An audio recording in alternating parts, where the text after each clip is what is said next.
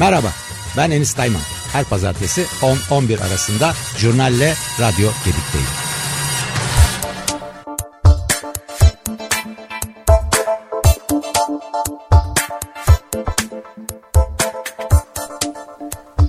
...20 Mart 2023 sabahından herkese merhaba. Jurnal başladı. Sevgili takipçiler, tabii ki deprem haberleriyle programımıza devam ediyoruz. Baştan beri yaptığımız gibi Kahramanmaraş merkezi depremlerin başladığı günden itibaren yaptığımız gibi. Neden bunu yapıyoruz? Çünkü unutulmasın istiyoruz. Unutulmasın biz burada radyodan sesimizi kim duyuyorsa onlara bir kez daha 11 ilde yaşanan felaketi ve 49.589 kişiye mezar olan o evleri, o müteahhitleri, bunun sorumlusu siyasileri, bunun sorumlusu kim varsa tekrar tekrar hatırlamanızı sağlamak için jurnal programında depremle ilgili konuları konuşmaya devam ediyoruz ve edeceğiz. Efendim az önce 49.589 dedim rakam yine yükseldi ve 49.589 e, oldu. 6807 ise yabancı uyruklu insan öldü, öldürüldü. Efendim e, rakamlara göre depremden etkilenen illere AFAD tarafından 22 milyar 328 milyon 330 bin lira olmak üzere e, kamu kurum ve kuruluşlar tarafından 31 milyar lira ödenek gönderilmiş açıklamaya göre. Türkiye tek yürek kampanyasına taahhüt edilen miktarın 82 milyar 454 milyon 611 bin lirası da AFAD hesaplarına yatırılmış. Şimdi tabi burada şöyle bir durum var. AFAD hesaplarına yatırılmış ama AFAD da diyor ki biz açıklayacağız. Neyi açıklayacağız efendim? Tek yürek için ifşa listesini açıklayacağız. İfşa listesine şudur. 15 ee, Şubat'ta biliyorsunuz ATB Fox TV, Kanal D, Kanal 7, Show TV, Star TV, TRT 1 ve TV8 ortak yayınıyla Türkiye Tek Yürek başlığıyla bağış kampanyası düzenlenmişti. Toplanacak yardımların da AFAD ve Kızılay'a verileceği açıklanmıştı. 213 televizyon ve 562 radyonun katılımıyla yayın aslında sonradan devam etti.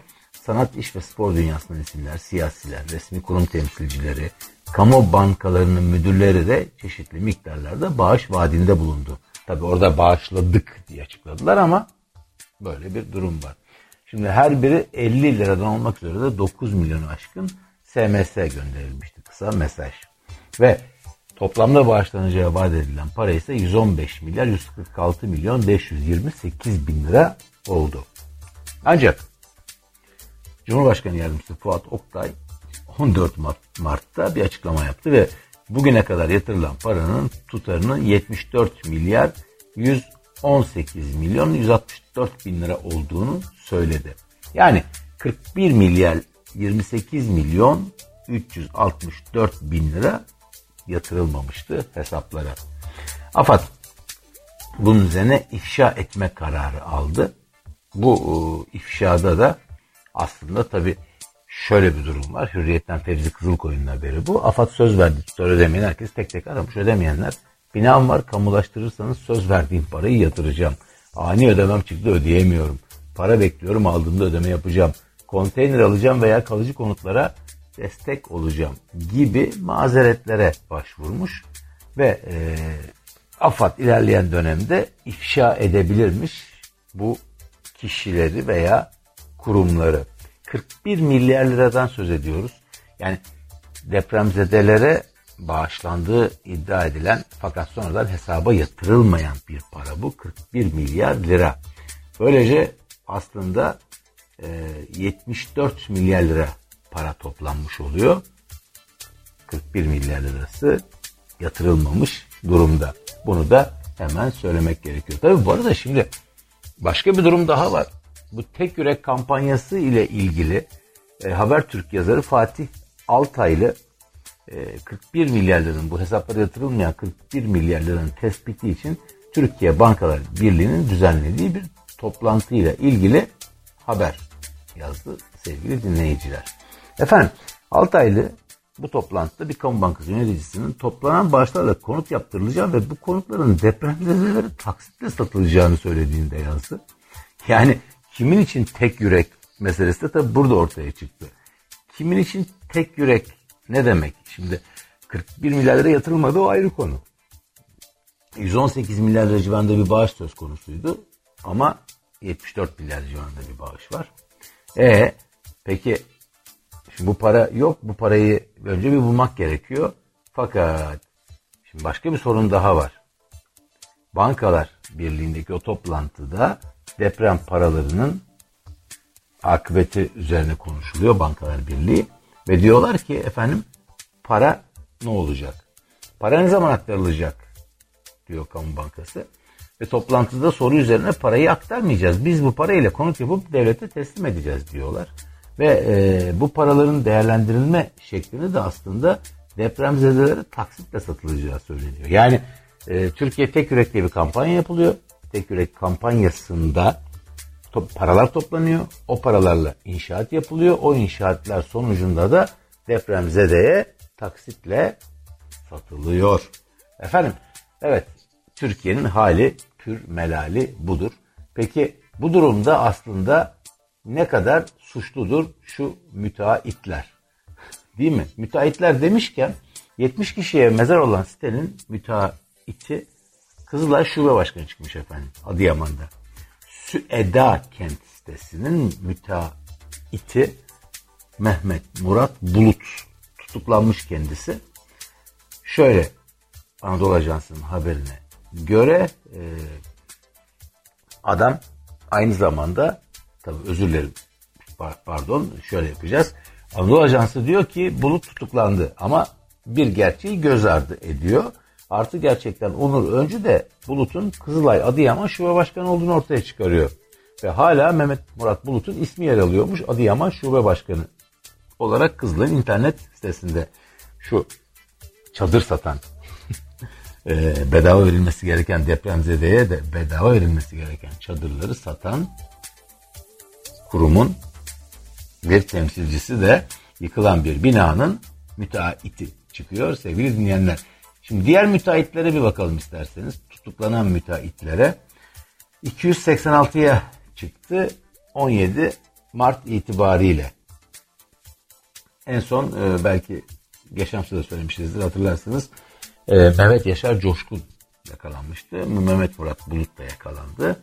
Efendim e, tutuklu ise tek bir yetkilinin olduğu biliniyor. Bu da ilginç bir şekilde. E, kim efendim Hatay'da yıkılan Kartop Apartmanı'nın fen işleri sorumlusu Murat Göksel Dal Kılıç. Tek bir yetkili olarak şu anda tutuklu.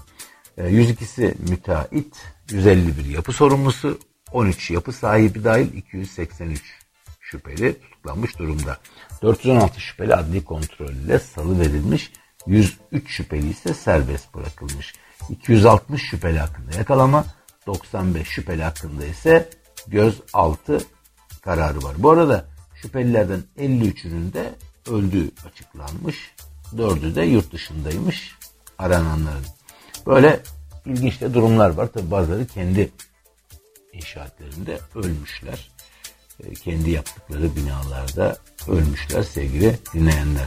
49.589 Evet e, tartışmalar hala tabii sürüyor.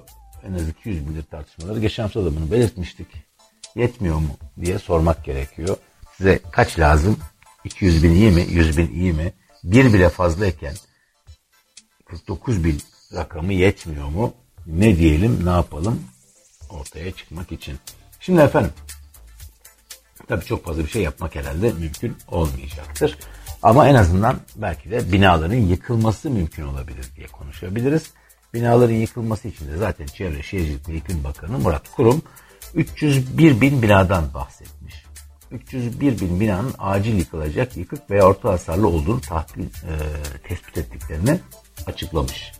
Kendisi Elazığ Valiliği Afet Koordinasyon Merkezi'nde konuşmuş ve şunları söylemiş.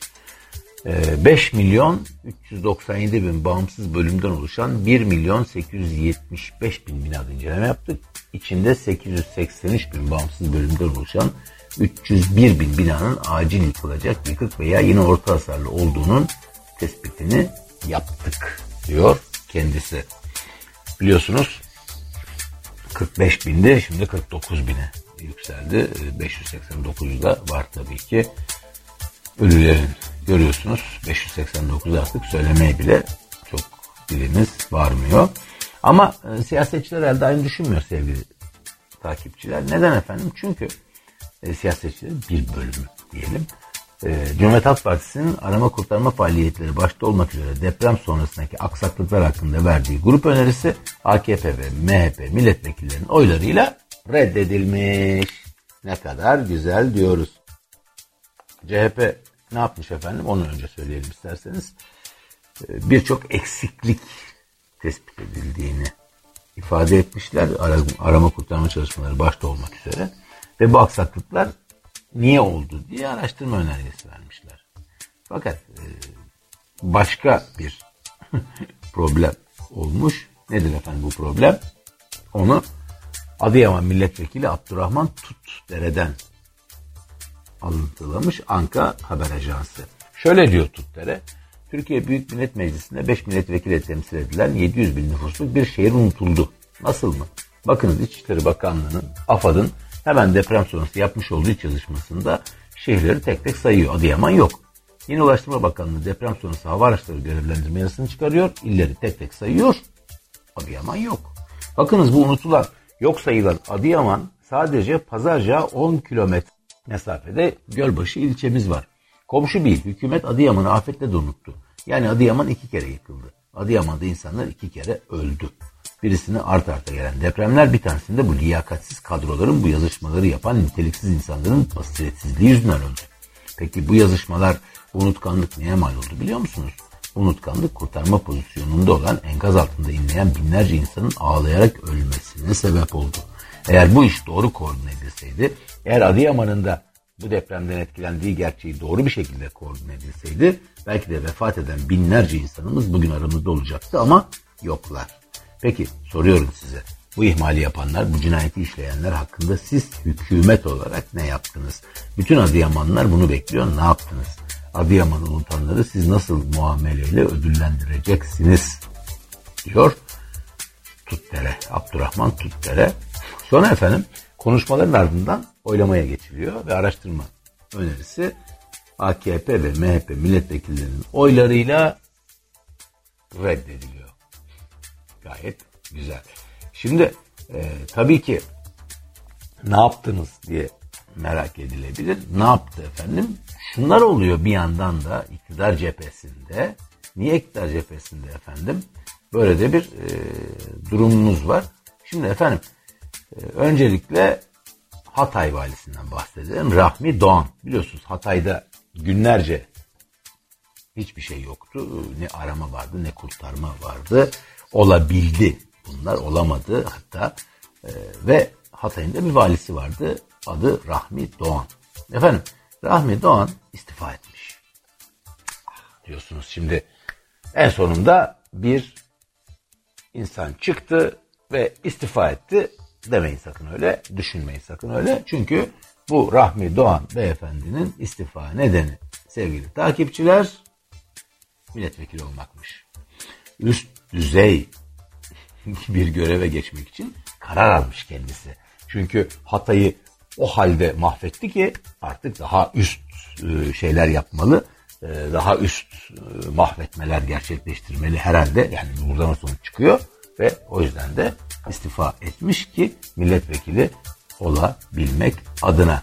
Evet efendim Rahmi Doğan tabi hani istifa edince aman diyorsunuz ya bir onurlu ses geldi yok efendim olmamış böyle de bir problemimiz var. Şimdi efendim e, burada Çuhadar'dan da bahsetmek gerekiyor. Vali Çuhadar'dan Adıyaman valisi. Bu Abdurrahman Türkler'in de bahsettiği.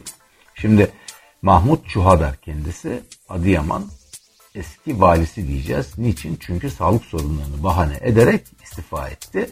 Ama onun ne yapacağı konusunu bilmiyoruz. Sağlık sorunlarını. Fakat bir şiir yazmış. Depremzede yani Adıyaman'ı unuttuk. Ama biz bir şiir yazalım Adıyaman için. Yani toplam deprem içinde olabilir. Adıyaman'da olmayabilir. Yani bu arada Adıyaman'da unutmuş olabilir orada. Ee, şöyle yazıyor. Ben tabi bunu böyle bir şiir gibi okuyamayacağım. Kusura bakmayın. Kara gece saat 4.17 idi. Bu vuran suskun arzın hiddetiydi vay Ölüm yakın belli, hüküm katiydi. Karanlıkta solup gitti ağıtlar. Vay vay vay vay. Bu uğultu dünyaya ait değil. Sanki sura üflemişti İsrafil. Of. Yani evet yine bunu da bir şekilde bağladık. Öte dünyaya. Göçüklerden can derledi Azrail. Nur Gölü'nde yüzüp gitti şehit. Ah şehit oldular. Evet Nur Gölü'nde yüzüp gitti şehitler. Süper.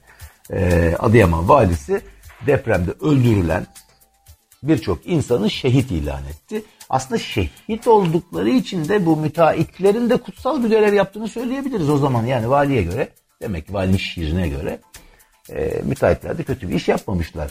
Babalar ev halkına etten duvardı, analar kundakta yavrusunu sardı.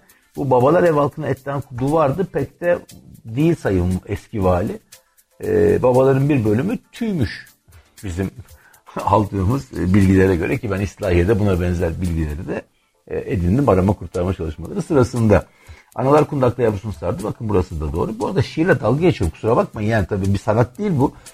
yani e, ne sıcak evler o an birer mezardı. Bakın bu doğru. Kam almadan göçüp gitti yiğitler. Viran oldu Adıyaman depremde. Adıyaman unutmamış. Çok güzel. Taze güller soldu arka bahçemde. Şimdi burada arka bahçe analizine düşünmek gerekiyor. Arka bahçe denilen yer aslında bir ne diyelim sevgili dinleyenler arka bahçe analojisine. Arka bahçe bir bölgeyi çevreleyen onunla e, ekonomik ve toplumsal etkileşim içinde bulunan bölge, interland. Yani aslında bir nevi sömür, sömürülen bölge, etkilenen bölge aslında diyebiliriz sevgili takipçiler.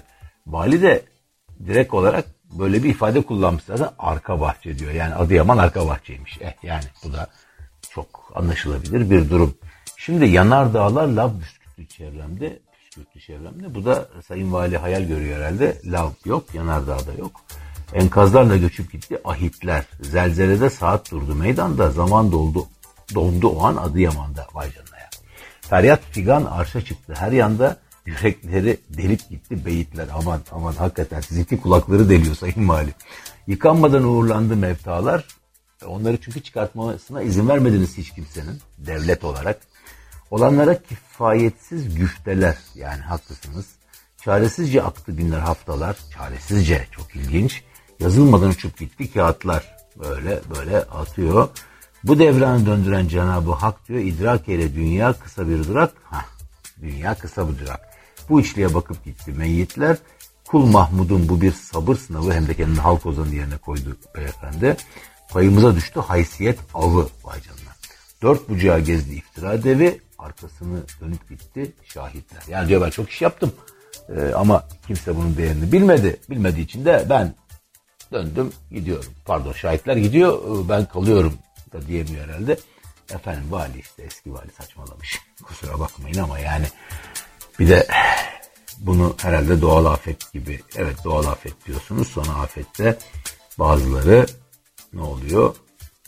Ölüyor bazıları hayatta kalıyor. Onlar da herhalde ne diyelim evet sevgili kulları herhalde. Şimdi efendim bunu insanın hakikaten konuşası fazla gelmiyor. Biz Hatay'a tekrar bakalım. Rahmi Doğan'ın milletvekili olmak için istifa ettiği ve çok iyi büyük işler başardığı Hatay'a bir bakalım isterseniz. Hataylılar aynı şekilde düşünmüyor muhtemelen. Neden? Çünkü depremin 40. günde bir araya geliyor Hatay'da insanlar. Ve hakkımızı helal etmiyoruz dediler. Bunu da e, aslında bağıra bağıra söylediler. Çünkü biliyorsunuz e, Recep Tayyip Erdoğan da namussuz diyerek e, eleştirmişti. Aslında depremde herhangi bir şekilde ne diyelim e, devletin dahli olduğunu belirten kitleleri insanlara namussuz diyerek çıkışmıştı. E, ve namussuzlar olarak da herhalde Hataylılar birinci sırayı aldılar Sayın Cumhurbaşkanı'nın neyinde? E, indinde. Şimdi efendim tabii ki burada ciddi bir problemimiz var mı? E, elbette var. Şimdi neden Hataylılar aslında hani hakkımızı helal etmiyoruz derken hiç e, çok haklılar. Hiç haksız değiller değil mi? Çok haklılar. Efendim e, böyle de bir neden şimdi İskenderun'da hatta yani Hatay'ın ilçelerinde biri olan İskenderun'da insanlar diyorlar ki e, AFAD'ın kurduğu çadır kentleri su bastıysa şu rezilliğimize bak hani devlet hani gelin görünüşü rezilliğimizi diyor insanlar haliyle. Yoksa ne diyecekler ki? Çünkü neden? Biliyorsunuz sel felaketi oldu. AFAD'ın aslında hiçbir e, doğru iş yapamadığı gibi burada da çadır kurulacak yeri bile seçemediği ortaya çıktı. Ama bunları biz eleştirmekten bile aciz durumdayız. Bunları eleştirdiğimiz takdirde hemen başımıza bir bela gelmesi çok söz konusu olabiliyor. Hatta sevgili takipçiler size şu kadarını söyleyeyim efendim. Rakam rakamlar bile burada değişiyor. Şimdi şöyle bir durum var. Neden rakamlar bile değişiyor ve rakamlar bile aslında kişiye özel ya da kuruma özel ya da partiye özel yapılabiliyor. Efendim Cumhurbaşkanlığına göre 6 Şubat'ta meydana gelen iki depremde e, Türkiye ekonomisinin üzerinde bir yük oluşturuyor tabii ki. Toplam yük 2 trilyon liraymış. Yani yaklaşık 104 milyar dolar. Oysa Birleşmiş Milletler depremin faturasını 100 milyar dolardan fazla, CHP ise 126 milyar dolar hesaplamış durumda. Neden efendim? Aslında bunu da herhalde AKP'nin ciddi ciddi yaptığı ince hesaplara bağlamamız gerekiyor. Ama CHP aynı hesapları yapıyor. 126 milyar dolar çıkartıyor. E, çıktığı zaman göreceğiz. Ve e, tabii aslında hani sigorta sektörü var bu noktada. Ondan sonra sanayi haberleşme, sağlık, konut gibi e, e, işte bunlar hariç özel kesim hasarları var. Ve Tabii CHP'nin hatırlattığı bir de 128 milyar dolar var. Toplam zararsız depremde 126 milyar dolar diyorlar. Bir de böyle bir durum var. Olsun 104 milyar dolar olsun belki oradan çıkabilir. Şimdi ne diyebiliriz? Çok da fazla bir şey diyemeyiz ama tabii ki Naci Görür diyor. Naci Görür efendim ne diyor? Şunu söylüyor. Yer bilimci kendisi biliyorsunuz Profesör Doktor Naci Görür depreme karşı alınmayan önlemlere dikkat çekiyor ve insanların can güvenliğini sağlamayan bir devlet devlet olur mu? Öyle bir devlete de gerek var mı? diyor hatta diye soruyor. Nerede soruyor bunu? İzmir Büyükşehir Belediyesi'nin ev sahipliğinde düzenlenen 2. yüzyılın İktisat Kongresi'nin dördüncü gününde doğaya davet oturumunda söylüyor. Anka Ajansı'nın haberine göre. Naci Görüm'ün efendim söylediği şeyler şunlar. Göçük altından bağırıyoruz ya sesimizi duyan var mı diye. Bizlerin sesini duyan maalesef yok. Eğer olsaydı bugüne bugünkü sahne olmazdı. Bugünkü sahne demokratik ve aydın bir ülkede olsaydık çok şey değişirdi. Hiçbir şey eskisi gibi olmazdı ama bakın değişen hiçbir şey yok. Yavaş yavaş da onu unutacağız. Hele birkaç ay daha geçsin işte.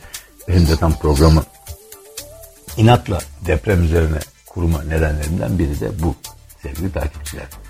Görür tabi devletin en önemli konusunun depremlere karşı önlem almak olduğunu hatırlatıyor.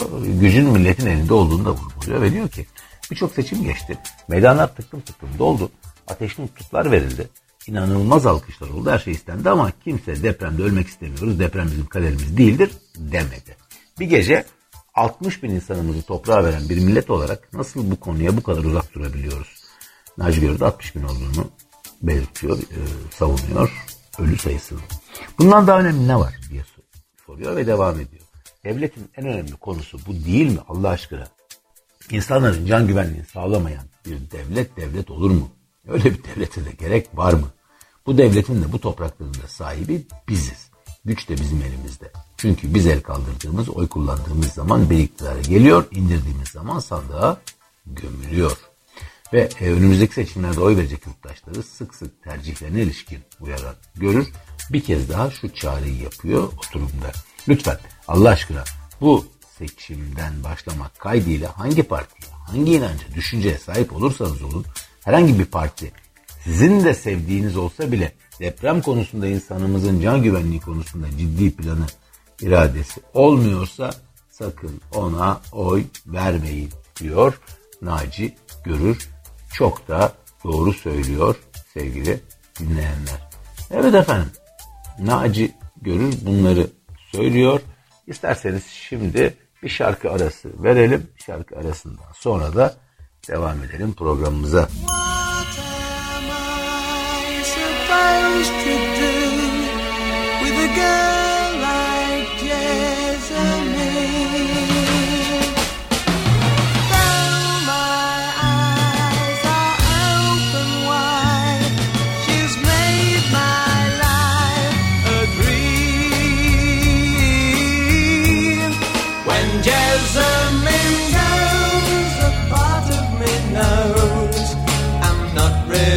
living. A butterfly child, so free and so wild, and so full of living.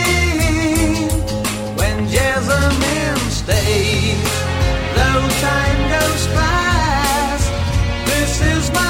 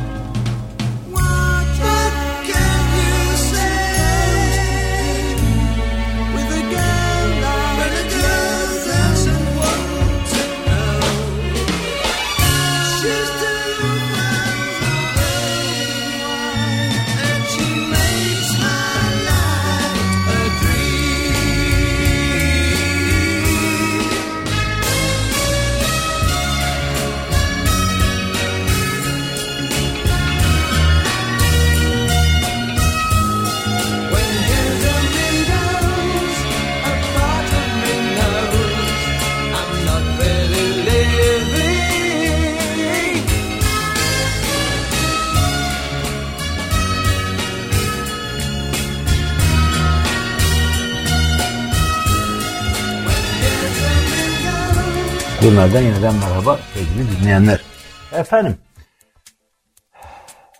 TOKİ, TOKİ Başkanı Ömer Bulut depremlerden sonra inşaatine başlanan bölgelerin zemin etüdünün önceden yapıldığını savunmuş. Evet, şarkı arasından sonra böyle şoke eden bir haberle girdik. Kusura bakmayın ama hakikaten ilginç bir durum. Ee, Ömer Bey çok ilginç şeyler söylemiş. Diyor ki Ömer Bulut biz diyor depremden sonra inşaatına başlamış olabiliriz. Yani ama bölgenin zemin etüdü önceden yapılan biliyorduk zaten diyor bunu. İlginç tabii ki. E, oysa Naci Görür de diyor ki deprem bölgesinde artı depremlerin yoğun olduğu bu zaman diliminde inşaatlarda beton dökmek son derece sakıncalıdır. Beton prizlenme süresinde ciddi çatlak ve tahribat alabilir ve görevini göremez hale gelebilir diyor. İlginç tabii ki. TOKİ Başkanı Ömer Bulut da başka telden çalıyor ve diyor ki İnşaatlara başlayacağımız yerlerin zemin etütleri daha önce zaten yapılmıştı. Bu yerler bizim daha önce açıkladığımız sosyal konut projeleri için seçilmiş yerlerdi ve zemin incelenmesi zaten tamamlanmıştı. Şimdi deprem sonrasında daha detaylı zemin etütleri yaptırıyoruz. Bunun şimdi mikro ölçüye çektik ve 100 metre aralıklarla zemin inceletiyoruz. Bizim inşaata başladığımız alanlar zaten belirlenmiş rezerv konut alanları. Kent ve ilçe merkezlerinde Çevre ve Şehircilik Bakanlığı'nın e, adını da doğru söylemiyor Sayın Başkan. Bakanlığın adını. E, kentsel tasarım çalışması tamamlanmadan buralarda bir inşaat yapılmayacak. Bu kentsel tasarımlar Türkiye'de kabul görmüş çok değerli hoca ve projecilerin ortak çalışmasıyla ortaya çıkacak ve kamuoyu bu tasarımlarla ilgili bilgilendirilecek diyor kendisi. TOKİ Başkanı aynı zamanda yapılacak binaların tünel kalıp metoduyla yapılacağını ve bu yüzden de artçı sarsıntıların beton kalitesini etkilemeyeceğini öne sürüyor efendim. Evet depremden hemen sonra inşaata başlayacağız diyorlar ama aslında yapmayın diyor uzmanlar. Şimdi yapmayın diyorlar ama e, kimsenin tabi dinlediği maalesef yok. Neden yok efendim? Zaten dinleselerdi bunlar olmazdı değil mi? Hatta dinleselerdi belki depremzede aile hekimlerine üçüncü depremi yaşatmazdı bu iktidar. Efendim Mesut Erşen Diken Komtere'de yapıyor bu haberi. Diyor ki Sağlık Bakanlığı depremde etkilenen 11 ildeki aile hekimlerinin alacaklarında ortalama 6 ile 10 bin lira kesinti yaptı. Tepkiler üzerine bugün sadece 1 Şubat alacakları için geri adım attı. Depremzede aile hekimleri bakanlıktan 18-24 ay tavandan ödeme bekliyor diyor. Evet efendim gördüğünüz gibi aslında e, nereden ne çıkaracağını iktidar çok iyi biliyor. Sinekten yağ çıkarttıkları gibi büyük bir ihtimalle burada da buna benzer harika işler yapıyor iktidar. Bu da aile hekimlerinin başına gelenlerden sadece biri. E, diğeri ne? Malzemeler bile enkaz altında. Bir de böyle bir durum var. Tabii malzemesizlikten gidiyor. Aslında dayanışma beklerken kesinti yakalıyor diye de e, aile sağlığı merkezleri çalışanları, aile hekimleri rahatsızlıklarını dile getiriyor. Şanlıurfa'dan aile hekimi Doktor Yusuf Er Yazgan diyor ki Sağlık Bakanlığı deprem olmamış hayat normal devam ediyor gibi asrın felaketinin yaşandığı bölgede maaş kesintisi yaptı. Bölgede ilk 20 günde çok fazla muayene başvurusu olmadı. Ortalama 6 ila 10 bin liralık kesintileri kimse hak etmedi. Depremsel gibi sıkıntıların yaşandığı yerlerde bu ödeneklerin en az 6 ay tavanlar ödenmesi gerekiyor. Bakanlığın son düzenlemesi eksik ocağı baz alıyor. Ödemelerin tutarı aydan aya değişir. Tavanda ödeme beklenirken laf ebeliği yapılıyor diyor kendisi. Evet laf ebeliği yapılıyor mu bilmiyoruz ama tabi bu laflar konusunda baya ne diyelim problemler yaşıyoruz. Ee, örneğin bu şiddet ve büyüklük meselesi de bayağı kafa karıştırıyor. Başka bir konuya şimdi geçelim isterseniz. Yer bilimci Naci Görür, bugün Naci Görür'den açtık her şeyi. Efendim Marmara'daki depremin 9 şiddetinde olacağı ifadesine açıklık getirmiş. Çünkü bunlar tartışma çıkmıştı e, aslında. Görür'e 9 şiddetinde mi, büyüklüğünde mi? Yani burada ciddi bir aslında durum var. Şimdi Efendim diyor ki Naci Görür birçok arkadaş hayretler içerisinde Twitter'dan açıklama yapıyor. Hocam siz hiç Marmara'da depremin şiddetinin 9 olduğunu söylediniz mi diye soruyorlar. Benim söylediğime de inanmadıklarını söylüyorlar. Anlaşılan bu kadar uğraşmamıza rağmen bazı şeyleri anlatamamışız diyor ki Naci Görür. İstanbul'da 7 mertebesinde bir deprem olursa Marmara kıyılarında birçok yerde depremin şiddeti 9 olur. Eğer kıyıdan uzaklaşır ve ıstırancalara giderseniz şiddet 5 veya 6'ya düşer. Konu budur diyor. 9 e, şiddeti ve 5-6 şiddeti yani büyüklük e, 7 olursa şiddet bazı yerlerde depremin olduğu zaten Marmara kıyılarında 9'a kadar çıkabilir diyor. E, kimin ne söylediğinin belli olmadığını tam da kanıtı aslında veya ne anladığımızı onlar ne söyler biz ne anlar durumdayız sevgili takipçiler. Efendim bu büyüklük e, meselesini isterseniz çok da kafaya takmayalım. Yani binanız sağlamsa e, problem yok. Sağlam değilse evet o zaman siz de e, neydi Adıyaman eski valisi gibi eski Adıyaman valisi gibi şehit mertebesine yükseliyorsunuz. Hemen oradan bir şehitlik çıkarttı, şehadet çıkarttı yine. Vali burada da yeni şehitlere o zaman selam olsun demek gerekiyor. Bunların arasında kimler yer alacak? Belki çok sevdiklerimiz, belki çok yakınlarımız da yer alacak. Onu da düşünmek bile istemiyoruz. Efendim, düşünmek istemiyoruz. Ama düşünmek lazım. Başka şeyler de düşünmek lazım. Mesela hava kirliliği. Neden? Çünkü Greenpeace Akdeniz e, Greenpeace Akdeniz örgütü Hatay'ın Samandağ ve Defne ilçelerinde yaptığı partikül madde ölçümlerinde yoğun hava kirliliği saptamış.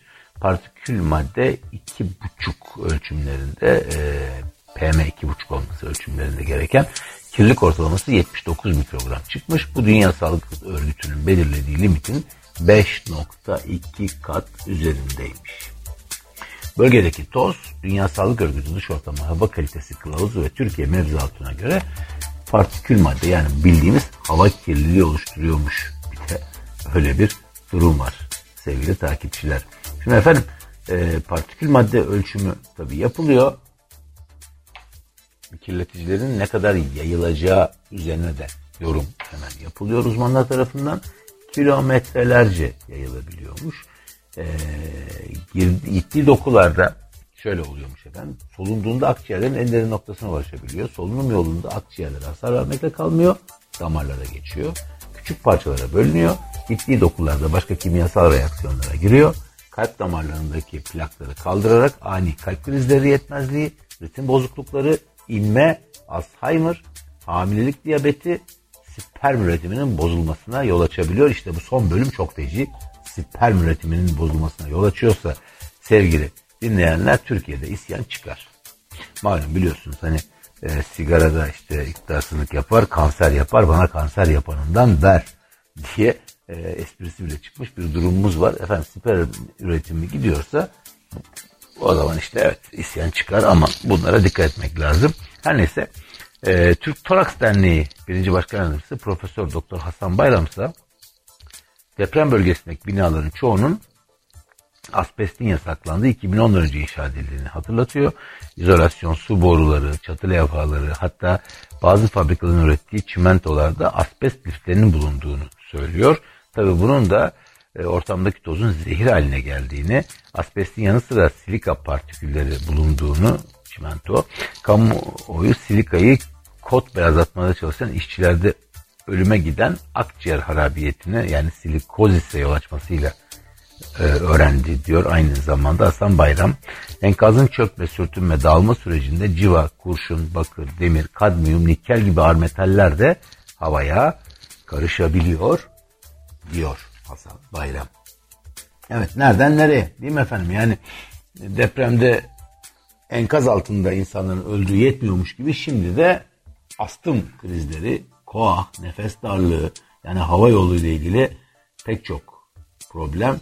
Hatta e, asbestosis adında asbest solunması yüzünden ortaya çıkan ölümcül bir akciğer hastalığı veya mezotelyoma yani asbestin yol açtığı akciğer kanserine yol açabilecek şekilde bölgedeki hava kirliliğinden de söz etmek gerekiyor. Çocuklar için de tabii ki havanın çok kirli havanın riskli olduğunu söylüyor Hasan Bayram. Henüz gelişmemiş olan akciğerleri daha çok etkileniyor diyor. Yetişkinlere göre daha hızlı nefes alıp verdikleri ve aktif oldukları için diyor kirli havaya maruziyetleri de artıyor. Akciğerleri yeterince gelişemeyebiliyor. Bir diğer önemli risk grubu ise yaşlılar ve hamileler diyor Hasan Bayram. Evet efendim gördüğünüz gibi aslında enkazdan hatta e, işte enkaz altında kalıp ölmek belki de kurtuluş haline gelecek bazı şanssız insanlar için. Neden? Çünkü bütün memleket sanki bir olmuş depremzeden üzerinde tepiniyoruz. Efendim e, en son bir arkadaşım Antakya'dan taşınmak için bir şirketle anlaşmak istedi. Neden? E, eşyasını taşıyacak. Çünkü bina fazla hasar görmemiş e, ve bina girilebiliyor, boşaltılabilir durumda. Şirket 30 bin lira istemiş. Aynı e, depremden önce aynı paralar 14 ila 18 arasında değişiyormuş zam gelmesine rağmen. Şimdi 30 bin liraya çıkmış. Hatta arkadaşım şunu söyledi. Bu bir iddia. E, gelip taşıyıcılar işte belirli yerlerde telefon edip ya da evin önüne yeni evin önüne getirip e, eşyanı indirmek için sen bir beşlik daha at. Yani beş bin lira daha bize ver ki Biz bunu indirelim yolda bazı masraflarımız oldu bizim diyorlarmış. Bildiğiniz mafya yani alçaklar. E, bunlara karşı da insanlar tabii ne yapacaklar? Çünkü bir kişi iki kişi zaten belki bir baba e, birkaç çocuk ve bir eşten kurulu aileler e, orada haydut sürüsü gibi kendisinin taşımacı olduğunu iddia eden şerefsizlere karşı ne yapsınlar? Çaresiz 5 bin lirayı veriyorlar eşyaları için. Buna benzer olaylar yaşanmış ve buna benzer olaylar daha da yaşanacak gibi duruyor. Çünkü aslında tüm ahlaksızlığımız, namussuzluğumuz, şerefsizliğimizle diyorum toplum olarak oradaki 11 ilin Adıyaman dahil tepesine binmiş vaziyette efendim Türkiye halkları. Tebrik ediyoruz kendilerini. Ha tabii ki e, fırsat değil midir? Fırsattır ama fırsatçılık yapılmaması gerekir. Neden yapılmaması gerekir? İnsan olanlara bunu anlatmak tabii doğru. İnsan olmadıkları için onlar maalesef bunu da herhalde anlatmak abesle iştigal olacak. Yetkililer harekete geçer mi? Hayır geçmezler. Niye geçsinler? Bugüne kadar hangi konu yetkililer harekete geçti? O yüzden burada da çok da fazla bir şey olmayacaktır ama sizin de böyle bir bilginiz olsun dimağınızda e, fırsatçı taşımacılardan yana. Şimdi sevgili dinleyenler gazete Duvar bir haber toparlamış. 19 e, Mayıs Üniversitesi Mühendislik Fakültesi öğretim üyesi Doktor Sertaç Tuhta'ya dayanarak ve güçlendirme çalışmalarının bina özel olduğunu belirtmiş ve yapının performansına göre 7 farklı işlem yapıldığını söylemiş. Bunu size hemen kısaca anlatalım. Binanızı güçlendirmek istiyorsanız e, deprem performansı tespitlerini yapın ve bina kısmen boşaltılmalı diyor Tuhta. Ve ondan sonra da güçlendirme yapılmalı diyor. Güçlendirmelerin de faydalı olduğunu tabii yandan aslında söylüyor ama yine de e, şunu kabul etmek gerekiyor. Güçlendirme yapılsa da Türkiye olduğu için burası yani yeni binaya bile güvenemiyoruz. Şimdi ee, ne diyor? Kolonların betonarme çelik veya lifli polimerler ile sarılması, kirişlerin betonarme veya lifli polimer ile sarılması, bölme duvarların güçlendirilmesi, betonarme perde duvar eklenmesi, taşıyıcı sisteme yeni çerçeveler eklenmesi ve temelde yapılacak olan güçlendirmeler e, binanın güçlenmesine katkıda bulunur diyor. Bir de böyle bir e, durum var. Siz de binanızı kontrol ettirebilirsiniz yahut aman biz belediyeye başvurursak binamızın çürük olduğu ortaya çıkar, çürük olduğu anlaşılır ve binamızı hemen boşaltmak zorunda kalırız. İyisin biz boşaltmayalım binayı kulağımızın üstünde yatalım. Zaten depremde 3 ay, 5 ay, 2 ay, 1 ay sonra unutulur. E, kabak tadı verir. 3-5 e, işte gazetecinin inatçı e, haberleriyle iyice can sıkıcı olmaya devam eder. Biz de Türk iş dizilerle hayatımıza döneriz diyorsanız eğer zaten hiçbir şey yaptırmayın. Hayat güzel, kısa. Şehit de olabilirsiniz. Bakın Adıyaman valisinin, eski Adıyaman valisinin söylediği gibi. Şehit olma şansınız da var efendim e, depremlerde. Ondan sonra ölürsünüz size şehit derler. E, işte e, fıtratında var derler bu. Ne olma, insan olmanın fıtratında var. Kötü binalarda kötü ölümlerin insanın fıtratında da olduğunu söylerler. Öyle geçer gider. Geçer gider mi bilmiyorum ama program burada yavaş yavaş son buluyor ve diyoruz ki sevgili dinleyenler lütfen depremi unutmayalım, unutturmayalım, unutulmasına izin vermeyelim. Çünkü eğer unutulursa bu yanlışlar, bu hatalar devam edecek. Hakikaten oyumuzu da buna göre verelim. Evet, şimdilik bizden bu kadar. Haftaya yeni bir jurnalde buluşmak üzere. Şimdilik hoşçakalın.